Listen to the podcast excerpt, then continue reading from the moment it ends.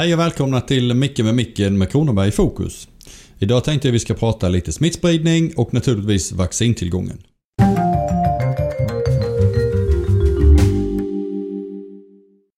Länet har faktiskt fortfarande en av Sveriges bästa utveckling vad gäller smittspridningen. Vi har visserligen planat ur, vi sjunker inte längre. Kanske en liten, liten ökning, men vi ska veta att vi är faktiskt bäst i Sverige på det just nu.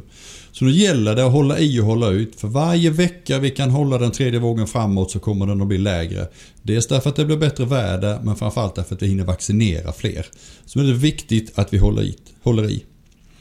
När det gäller vaccinationerna så hörde vi förra veckan att eh, vi nu får använda AstraZenecas vaccin till de som är över 65. Det är jättebra, det är ett jättebra vaccin precis som de andra.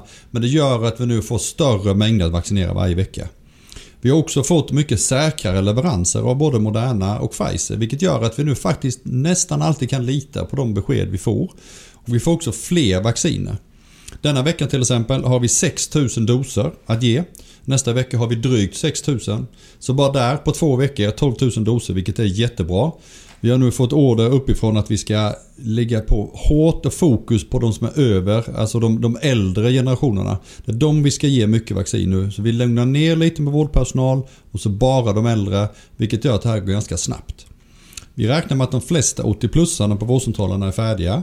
Idag släpper vi på 75 plus.